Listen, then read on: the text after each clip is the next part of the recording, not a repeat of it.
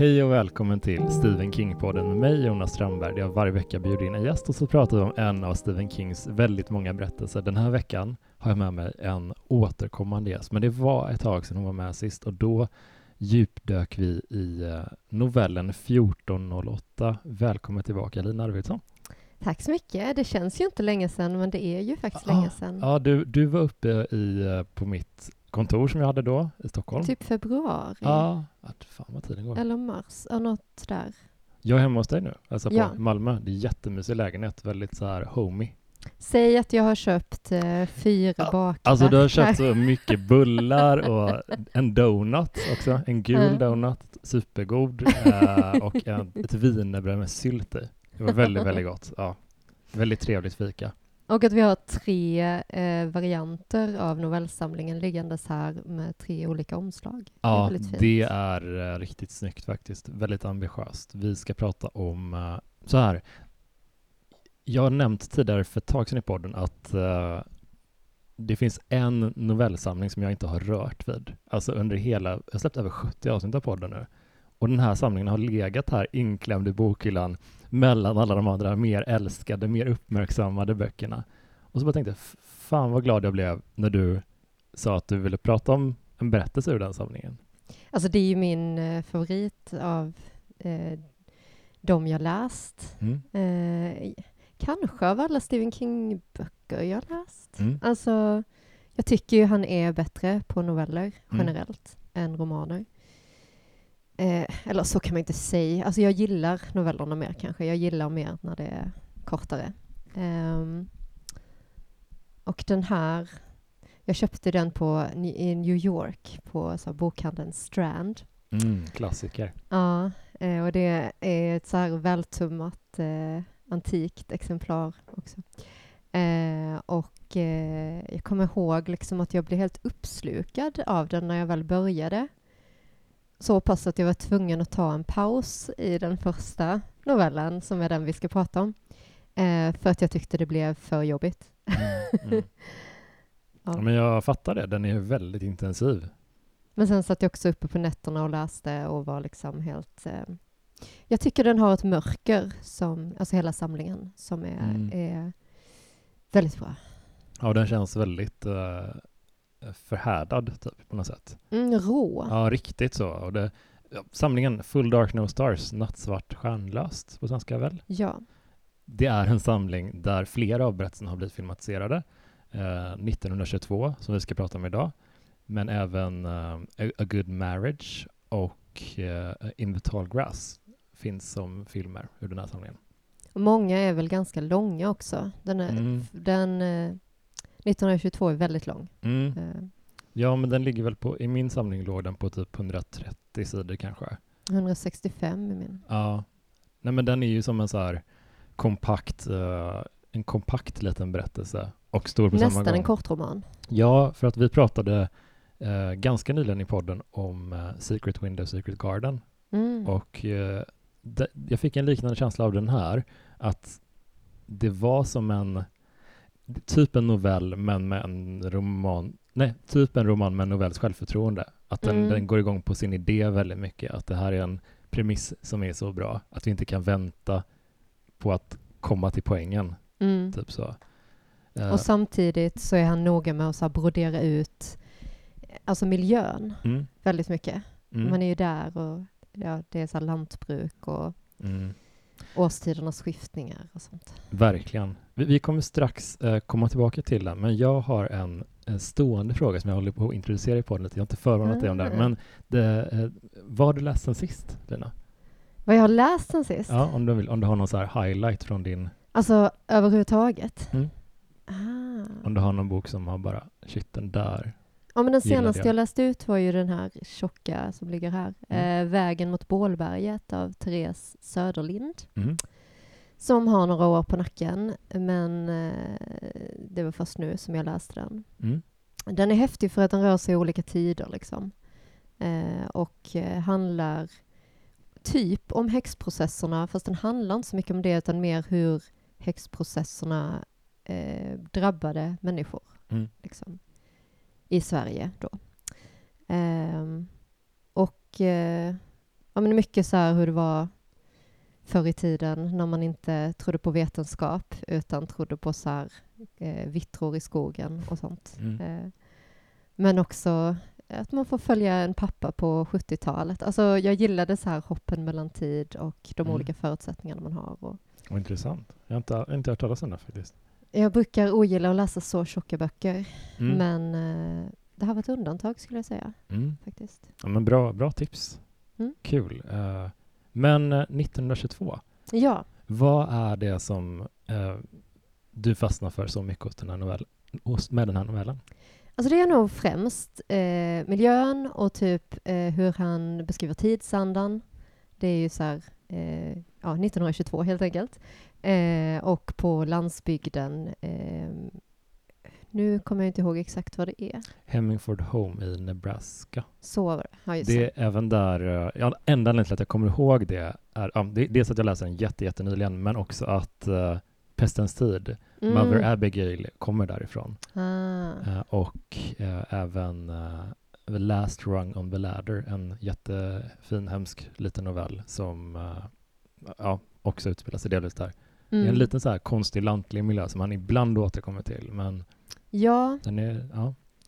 Och så att den har liksom rätt så osympatiska karaktärer egentligen ju. Mm. Alltså både huvudrolls, eh, eller vad säger man, eh, huvudpersonen är ju då en bonde mm.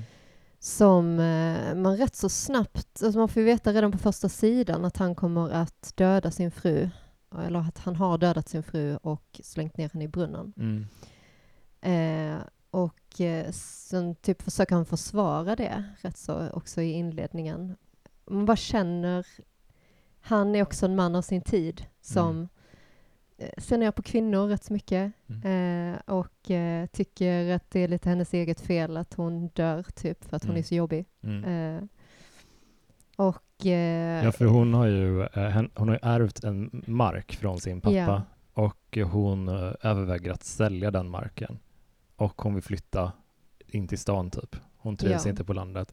Men det skulle innebära också att uh, vår huvudperson, han, hans mark som hänger ihop med hennes, den skulle bli ganska värdelös. Typ. Mm. Det ska komma något slakteri och ja. köpa den marken och då förstörs liksom alla vattendrag och ja. så. Jag förstår inte riktigt den grejen. Men, men, det, ja. men det, det är dåligt för hans privatekonomi. Precis, men, men jag kan ju också förstå, för jag är uppvuxen på gård, mm. att eh, om man är bonde så är det inte bara ett jobb, utan det är liksom hela ens liv mm. och ens personlighet. Och eh, nu är det här en väldigt beläst bonde, vilket jag tycker är så både fint och lite töntigt. Eh, att det är som att Stephen King ofta måste styla med så här, och det, då kommer jag att tänka på den här boken. Skulle du säga att det är ovanligt att bönder är belästa? Alltså, ju nu generaliserar jag, men ja, det skulle jag säga. ja. um, nej, men, och det har väl sina förklaringar för att det är När ska man ha tid att läsa? Det är ett jobb som tar, mm. man har inte tid att vara på semester ens. Nej. Alltså, det är ett jobb som tar så otroligt mycket tid och ofta utomhus och man blir trött mm. helt enkelt. Så det är rätt så begripligt. Eh, men den världen är väl också kanske inte eh, ah, hur ska man säga? Eh, man, man rankar inte högt att någon sätter sig och läser, utan man rankar högt att någon tar i hårt liksom, mm. och jobbar mm. eh, fysiskt. Men eh, eh det, o, en av de otäckaste detaljerna med den här tycker jag är att uh, Will Wilfred, eller vad han heter, han Wilf kallas han hela tiden. Typ. Mm. Han uh, manipulerar även deras gemensamma son att ja. hjälpa till med mordet. Och det, det är så, ja men, det är så groteskt verkligen. Ja, det är som att han är medveten om, nu gör jag något hemskt liksom. Ja, ja. Eh, men han gör det ändå. Mm. Ja, det är verkligen hemskt. Ja, men det, det, är också, han skriver det ganska tidigt i sitt, uh, alltså hela boken är typ utformad som ett bekännelsebrev ungefär, mm. att det här är This is my last confession typ. Och då hänger han även ut sin son och säger att han var med och hjälpte till med det här. Men jag övertalade honom alltså ordentligt. Mm. Det var verkligen jag som drog in honom i det. Det är en lite... ärligt talat så tycker jag kanske att det jag är lite moraliskt kluven kring den här att han hänger ut sin son. Även om han var med och, och deltog i, i mordet så om man har manipulerat någon till att göra någonting då kanske han ska ta den kulan typ. Det kanske inte är upp till honom att erkänna det om man säger. Men sen tycker jag att gestaltningen ändå är bra. Att, så här, mm, ja, ja. Det att det är alla känslor får rum liksom. Mm. Eh, han blir också ledsen över att han har förstört deras relation mm. och eh, rädd att... För sonen blir förändrad av detta då. Alltså själva mordet ska vi också prata om. Mm. Eh, är ju brutalt. Ja. Alltså det är... Jag kommer ihåg det som så himla äckligt och att jag ganska snart efter det eller de hade väl slängt henne i brunnen och det här med råttorna hade nog kommit. Där slutade jag. Men, men just mordet var ju så här att jag bara undrar hur jag kommer uppleva det nu. Mm. Nu har det ändå gått några år så här, men shit, det är så äckligt. Ja. Vill du berätta om Ja, men det är ju att det, ingenting går som de tänkt sig. Mm. Eh, och eh, tanken är ju liksom att han ska skära upp halsen på henne när hon sover. Mm. Och hon har också druckit en massa alkohol innan. Det har, kommit, det har varit en scen som är lite övertydlig, tycker jag. Med, eh, där man liksom eh, man planterar att den här eh, hustrun ändå är rätt så alkoholiserad och blir väldigt brut, alltså, vad ska man säga, burlesk och liksom jobbig på eh, fyllan. Mm. Eh, det är kanske inte som att det behövs jättemycket. Men ja, så hon ska då ligga och sova och då ska han snitta upp hennes hals och då ska hon dö. Liksom. Mm. Och för att eh, sonen ska också vara med i rummet samtidigt för att hjälpa till och undanröja kroppen sen. Och då klarar inte sonen av att se detta, så att han sätter som en jutesäck så här över mm. huvudet. Och då tänker man ju att, ja men hur farligt kan det bli liksom? Men hon dör ju inte. Nej. Utan hon reser sig, liksom sätter sig upp i sängen, det bara väller blod ur halsen. Eh, hostar väl, typ gurglar så här så att mm. det låter från det här hålet i halsen. Alltså det är så jävla Jag tycker det, det, är så en äcklig detalj i det där, allt det där väldigt äckliga, det är ju typ hur hon ropar någonting om eh, Shannon som är Hank eller Henrys, han, sonen, mm. hans flickvän. Hon säger ja. någonting eh, nedvärderande om henne typ liksom. och det är lite det som jag upplever det som knuffar honom ja. till att fullfölja det han har planerat att göra. Han har haft tvivel innan men den kommentaren skjutsar honom den sista biten typ. Ja, precis. Och han är ju ung. Han är mm. 15 eller mm. vad är han liksom? Eh, så han förstår väl kanske inte konsekvenserna av sitt handlande riktigt heller. Nej. Och det är ju inte han som dödar, utan det är pappan. Men det tar som tid och han får liksom till slut trycka mm. ner honom. Det beskrivs ungefär så här som att som när de ligger med varandra. Liksom. Mm. Eh, och så håller han med kniven och då, alltså det är ju nästan som att huvudet lossnar. Mm. Så måste han ta i. Liksom. Mm. Så det är så jävla mycket blod. och sen ska de svepa in kroppen i en matta. Mm. Och där tycker jag är så snygg liknelse de liknade vid en, hur det droppar från en tvättsvamp. Nej, fy. Det är så jävla äckligt ja, alltså. Ja, ja. Och så sådana här små detaljer som gör att det känns så himla verklighetstroget också, att man, de trär på för att det inte ska droppa från ena änden liksom så tar de eh, ett örngott och trär över. Mm. Det är också en sån liten detalj som jag bara tycker är jättebra, mm, mm. just för att det känns så verklighetstroget. Ja, den är vidrig verkligen och så dumpar de, som du var inne på, hennes kropp i brunnen på gården. Och då har väl sonen svimmat till ja, och med, exakt. för mig. Exakt. Eh, det, det följs av ganska mycket noja från eh, pappan, liksom. Eh, mm. Att han, han tänker liksom någon kommer kanske upptäcka att hon är här. Och så funderar han lite, ska jag fylla igen brunnen? Nej, det blir misstänkt. Det, blir misstänkt, det, ja. det kan jag inte göra, då kommer någon undra det. Så då stagear han typ en olycka så att uh, en av deras uh, kor det här är ju världens bästa idé faktiskt mm, också. Mm, det är jättebra.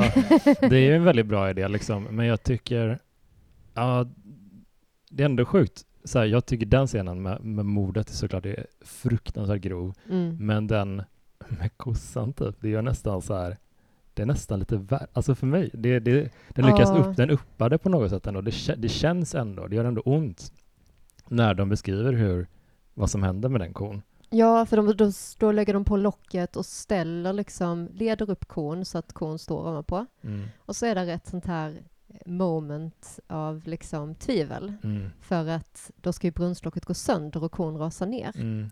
Och där tycker jag man får syn på kon så jävla tydligt. Mm. det är någon beskrivning där så bara man känner med den här kon, mm. liksom, den står där och bara vad står jag här? Vad, oh, vad vill nej. ni liksom? Och sen bara brakar den ju ner.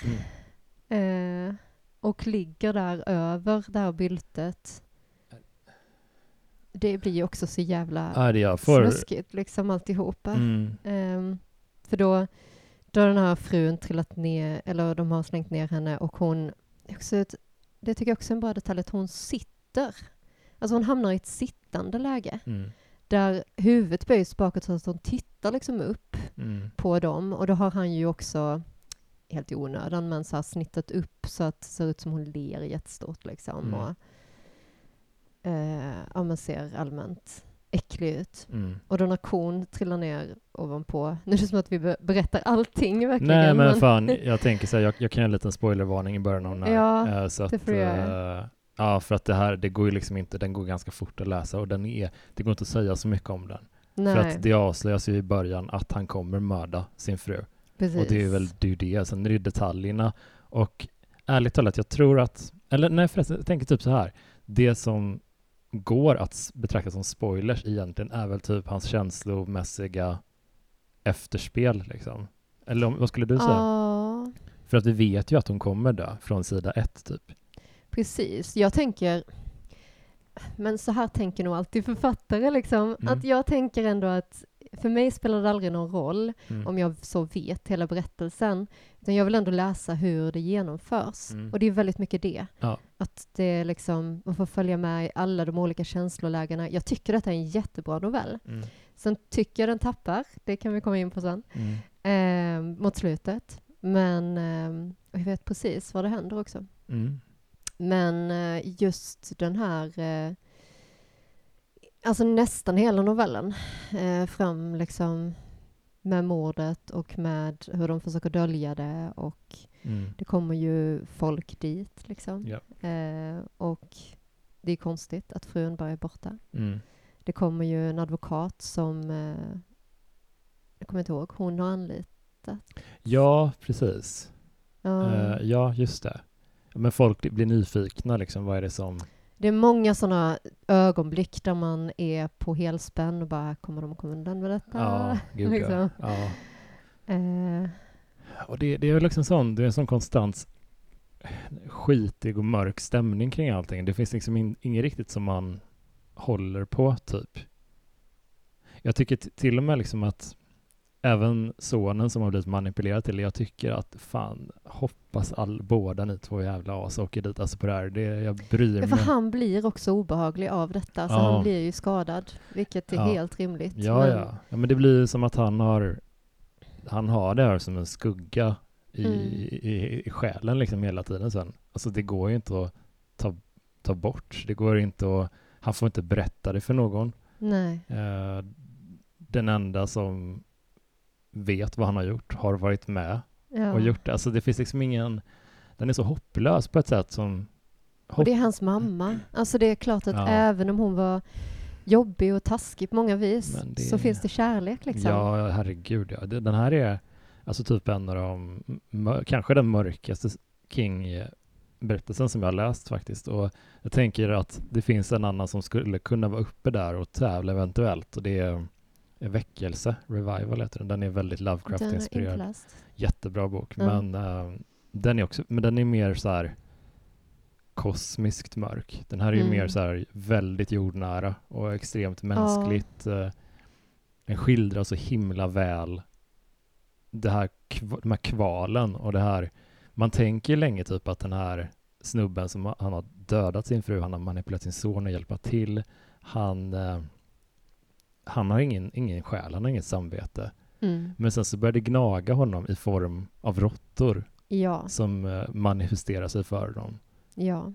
Och Och som man först, eh, eller det, jag vet inte hur mycket vi ska avslöja där. Vi kan, uh, vi kan spoilervarna här tycker jag. Ja. Det här känns som en bra punkt för att det andra sker ju typ precis i början och vi vet, ja, så kan vi göra. Ja. Man kan börja med att säga att det var ju här jag slutade läsa när... Råttorna? eh, ja, när kon ligger över och sen de ska dit och kolla liksom och så börjar det röra sig i det här mm. byltet under där och, de, och då är sonen så här, hon lever, mm. hon, hon är på väg upp. Ja. Nej, då är det råttor som är på väg upp ur henne liksom. Oh. Det är så äckligt. Det är så vidrigt. Nej men fan, den är, ja, den är, och det, det, blir ju lite som att de, eh, de börjar lite sådär och, och att, att han, man tänker att ah, men det, är bara, det är bara skadedjur som hittar någonting mm. som de är intresserade av. Men sen så började de ta lite så här, de manifesterar sig i, de, det är som att de, de, de, de får hennes kropp att liksom mm. börja styltigt leva lite grann igen för honom bara. Det är bara mannen som ser det här hela tiden. Ja. Och det är som att de det gnager sig fast i honom att du ska inte få glömma det här. Du ska påminnas om det här för varje dag för resten av ditt liv. Vad du har gjort. Alltså bästa tycker jag ju är den här, eh, det är någon stor brunsvart råtta mm. som beskrivs som helt abnormt stor. Mm. Eh, som plötsligt sitter liksom inne i huset mm. när han ska, han ska då leta fram, det blir en massa skulder och sånt för honom ju. Mm. Eh, och då ska han försöka leta fram pengar som hon har lämnat kvar mm. i någon sorts... Det här tyckte jag också var roligt. I en horhatt, står det i den svenska översättningen. En röd horhatt. Och man bara, vad är det? Ja, jag vill gärna se hur en sån ser ut. ja. ja, men då, då står den liksom så att eh, man ser inte ner i den. Så mm. han sticker liksom in handen. Han är också naken i den här situationen, vilket gör mm. det ännu mer sårbart på mm. något vis. Liksom. Och så bara känner han någonting som är fel. Som är lite blött eller något. Ja. Och så bara är det en råtta som biter i hans hand. Ja. Så jävla hårt också, så att alltså han får jätteskada. Liksom. Mm. Eh, och det är så äckligt när, den, när råttorna liksom tar sig ut ifrån där de är från början och sen mm. bara in i huset. Och Alltså bara dyker upp överallt. Ja, verkligen. Men det är någon scen, är det, är det sonen som säger det där om råttorna att hon skickade dem till oss typ? Eller vem är det som säger det? det ja, det är nog sonen tror jag. Jag tror att det är alltså som ett... Och jag tycker ändå det, det är ganska intressant. Den påminner rätt mycket om... Kom, är, är det det skvallrande hjärtat, den här Edgar Allan Poe novellen typ. Där, jag kommer inte ihåg detaljer så ber om ursäkt om man har jättebra koll på Poe, men det är någonting som huvudpersonen har gjort och som han sen påminns om genom att höra ett konstant dunkande hjärta liksom i sin närhet. Ah, snyggt. Och det här känns som en sån grej att uh, ja men det, det, är ett, jag tycker det är intressant vad det säger om Kings människosyn på något sätt. Mm. Att även om vi vet vilken oerhört ond människa det är, som vi följer liksom ur hans perspektiv, så kan han ändå plågas av det. Ja. Det finns ändå en mänsklighet där, det finns någonting för samvetet att äta av, typ. Och ja. det tror man ibland inte om folk som är så jävla diaboliska och man de, de kan inte känna någonting. Mm. Men han, är, det, han har ändå någonting kvar i sig. Och ja, det är det som plågas, typ, resten av Ja, det är så bra beskrivet på något vis hur han hela tiden försöker rätta till det som blir fel på mm. något vis. Alltså de här råttorna kommer ju då från början från eh, att det går ett rör från brunnen in i stallen på något mm, vis. Just det. Eller hur? Ja, ja jo, jo, det känns... Ja. Och eh, då tänker han, åh, jag ska täta till det. Mm. Så han bara trycker in en presenning och sen eh, märker han att det räcker ju inte liksom. Så mm. då eh, är det cement mm. och så här. Och cement i brunnen också för säkerhets skull. Eh, och så, jag gillar egentligen bäst innan För sen kommer ju frun tillbaka som ett spöke. Mm. Um, men jag gillar egentligen bäst innan när han bara tänker på det. När han bara tänker på... Man kommer jävligt långt i den här novellen med att bara veta att frun ligger där ja. i brunnen. Ja. Och hur han tänker på hennes förmultnande mm. och liksom... Nej, det är bara så äckligt. Alltså men, jag vaknade mitt i natten och mm. var så här, nu är natt. Mm, och bara, mm. det är så äckligt. Bara den bilden liksom. Ja, men det är, det är ju någonting, eh, den, den säger ju någonting intressant tycker jag, novellen, om hur det kan bli när rationaliteten är allt som får bestämma. Mm. Typ så här, för att han har han, han det är ser, pengar han gör det är bara också. pengar. Det är liksom för att det ska bli lättare för honom att kunna leva sitt liv som han vill leva. Mm. Och, och, och, han, han, han stänger av alla andra parametrar på något sätt. Ja. Han, han liksom, han bara, det här ska inte vara med i, i liksom kalkylen alls. Hennes liv, hennes liv, det, det finns inget, sonen, nej, han är inte heller med. Det, det är liksom en sån katastrof... Han har ju sånt katastrofalt känsloliv verkligen redan från start känns det. Mm. Men vad, man undrar ju så här, en person som är så här, vad, hur, vad är det som har drivit honom till det? Vad, hur kan han vara så här? Ja. Men alltså den utspelar sig 1922 då, jag tänker det, det är några år efter kriget, det första världskriget. Mm. Så det känns ju som en sån, alltså den generationen känns inte som att de har, det var inte topp psykisk hälsa. Nej, och det var också inget man pratade om. Alltså, och män ska bara köra på. på ja, men det, eh. han beskriver ju att deras gård, precis som alla andra relativt närliggande gårdar i Hemmingford Home, de ligger liksom på ett avstånd. Det finns inte så där jättemycket mänsklig interaktion Nej. från början. Det, det är, folk är ganska mycket i sina egna huvud, huvud alltså och mm. umgås med sin familj eventuellt om man har någon. Och sen är det ju rätt stora klassklyftor också på sina håll. Alltså hans grannar till exempel har telefon mm. och har liksom eh, dratt in vatten, har varmvatten och så. Mm. Han har inte det. Nej. Och han har liksom en, ett utedass. Just det, och de beskriver att det, väl, alltså det finns typ inte elektriskt ljus alls i Hemmeford överhuvudtaget. Så det är en väldigt så här den är bra på tidsmarkörerna. Det är mycket gasollampor typ och sådana grejer. Alltså det var en jätteliten detalj som var med en kam som de hittade som frun hade haft. Som där själva eh, det man håller i eh, var gjort av ben. Mm. Alltså sån liten detalj som man bara, oh snyggt. Mm. Och det vimlar av sådana detaljer. Eh, att man måste veva upp bilen till exempel. Mm. Och sen kommer det någon som bara, oh, han är rik, han har ändå man bara trycker på en knapp. Mm. och det är liksom, går inte att tänka sig idag riktigt. Nej. Att bara, okej, okay, idag är det elbil eller mm. vanlig bil, men, men just, man fick veva upp bilen liksom. Det var otroligt. Eh, det, det är också intressant hur den, eh, hur den verkligen, det känns som att det var lättare för King att nå den här mörka tonen genom att placera den här på den här isolerade platsen. I den tiden. Tidsperioden. Ja, ja. Det, det, det finns en sån hopplöshet i det. Alltså, kan jag verkligen känna ibland att fy fan, alltså om man hade slungats tillbaka hundra år i tiden, mm. bara, jag hade kanske tagit livet av mig tror jag. Ja, men där är ju också ett sånt fall som jag tänker var väldigt vanligt, en uh, ung tjej som blir gravid. Liksom. Mm. Exakt, katolsk familj. De försöker skicka henne till någon sån där eh, kloster typ, ja. eller skola. Uh, och uh, grabben... Och hennes liv är förstört. Ja, liksom. ja. ja det, är, det är katastrof liksom. Eller så här, ja visst de kan fixa med någon att, att de adopterar bort hennes barn mm. och så här. Just det. Men, men liksom, är det så deppigt mm. att bara och deras, hela deras syn på kvinnor överhuvudtaget. Det, det är väldigt mycket sånt ja. som kommer då och då. Alltså även, inte bara från huvudpersonen, utan även eh, sheriffen. Mm.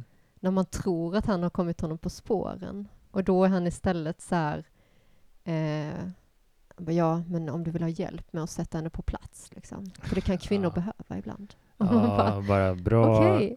lagens händer. Alltså fy fan. Den här alltså. hustrun har ju ingen som helst nej, eh, för nej. att få upprättelse nej, egentligen. Fy fan, det är så mörkt.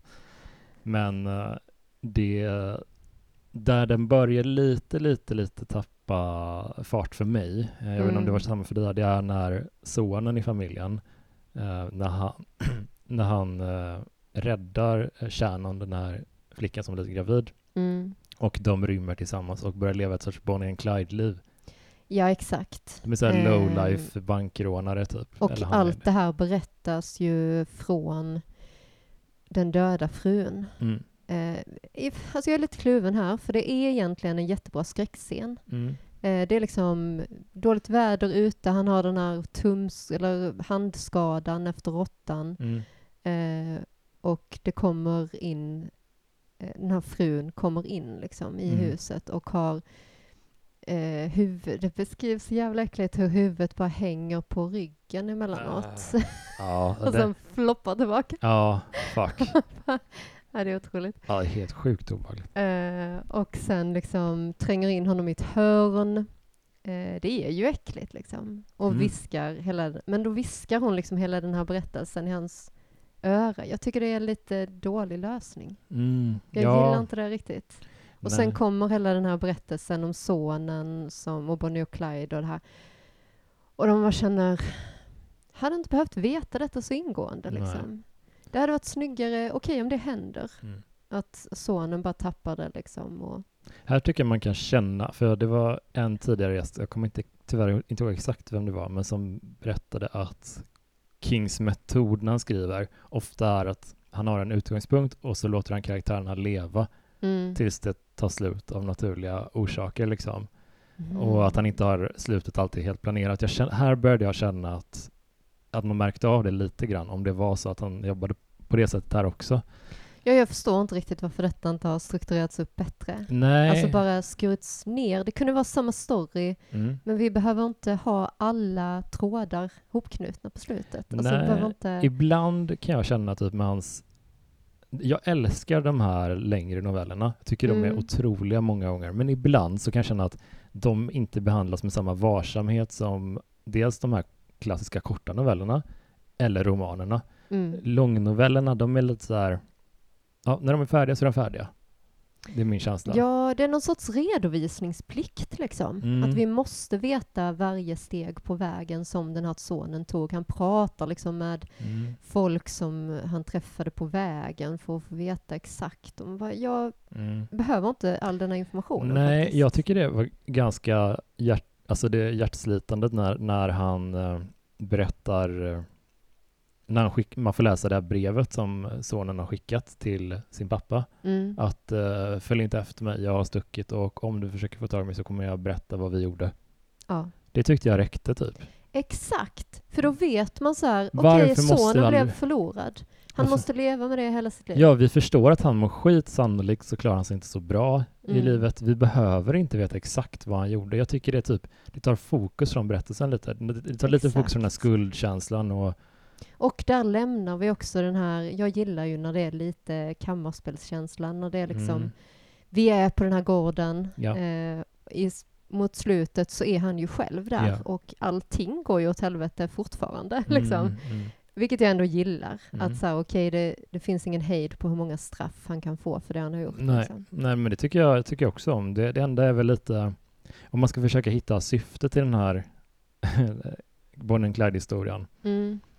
Jag tänker kanske att King eventuellt kände att det här blev, det här blev nästan outhärdligt mörkt. Jag måste ha någon lite, lite levity till det. Att jag mm. behöver ha någon, att det behöver accelerera lite, någonting som är lite, lite vind i håret liksom. Alltså, kan vara så. Eller att han kände liksom att han gillade sonen som karaktär så mycket mm. som bara, vi måste få veta vad som ja, hände det, med det honom. Möjligt. Och det kan jag ändå respektera, för man ja. gillar ju honom. ja, ja han är ju, det är ju intressant vad som händer med honom. Men men jag tycker inte det berättas helt Nej. felfritt kanske. Men eh, det som händer sen är ju typ att han, han ger upp på sin gård. Och, mm. eh, Vilket också är jättedeppigt. Ja, det är fruktansvärt deppigt. Han har också så visioner om vad som kommer hända med Hemmingford Home om så och så många år. Mm. Och man bara, ja, det var nog ganska rätt i sak. Och att han liksom, hans syn på staden, liksom, jag tänkte på hur min jag är uppvuxen på landet och på gård och hur min faster en gång sa men jag skulle aldrig kunna bo i lägenhet, sa hon. Jag har testat det och det var som att bo i en liten låda. Mm. Och det är liksom den synen man har. Mm. Eh, och jag kände igen det i hur han tänker när frun vill till stan och hon vill så ha ett nytt liv, öppna butik. Och han kan inte tänka sig något värre liksom, än att bo i stan. Alla dessa Nej. människor och Nej. Ett annat tempo och liksom... Ja. Eh, vad ska man där och göra? Men jag vet inte om du håller med här, men jag, jag, jag tänkte på en grej när jag läste sista partierna, typ, liksom att, uh, att den påminner lite lite i tonen, inte så här, jo men lite i tonen om um, Shawshank Redemption lite grann.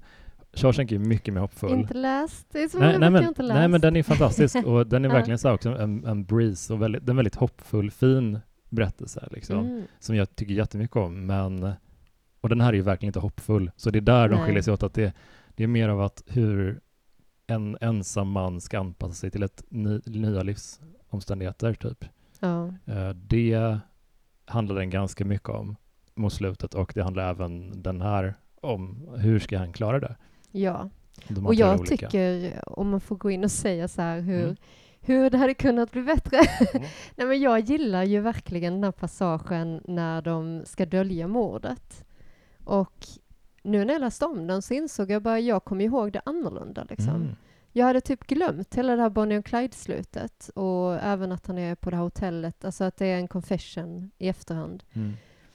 Eh, och kom mest ihåg det som utspelade sig på gården och med mordet och med råttorna och så här. Mm. Eh, det var väldigt mycket jag hade glömt och det är som att hjärnan kommer då ihåg vad den gillade, mm. liksom, det mm. som satte sig. Ja, men den är ju också så disconnected från resten av berättelsen, Bonnie and Clyde-partiet. Ja. Det är ju som att Oj, är det här en egen liten story? Eller hur? Eller vad, vad är det här? Och det var till och med att jag trodde så här, jag väntade på en handling som inte kom också. Mm.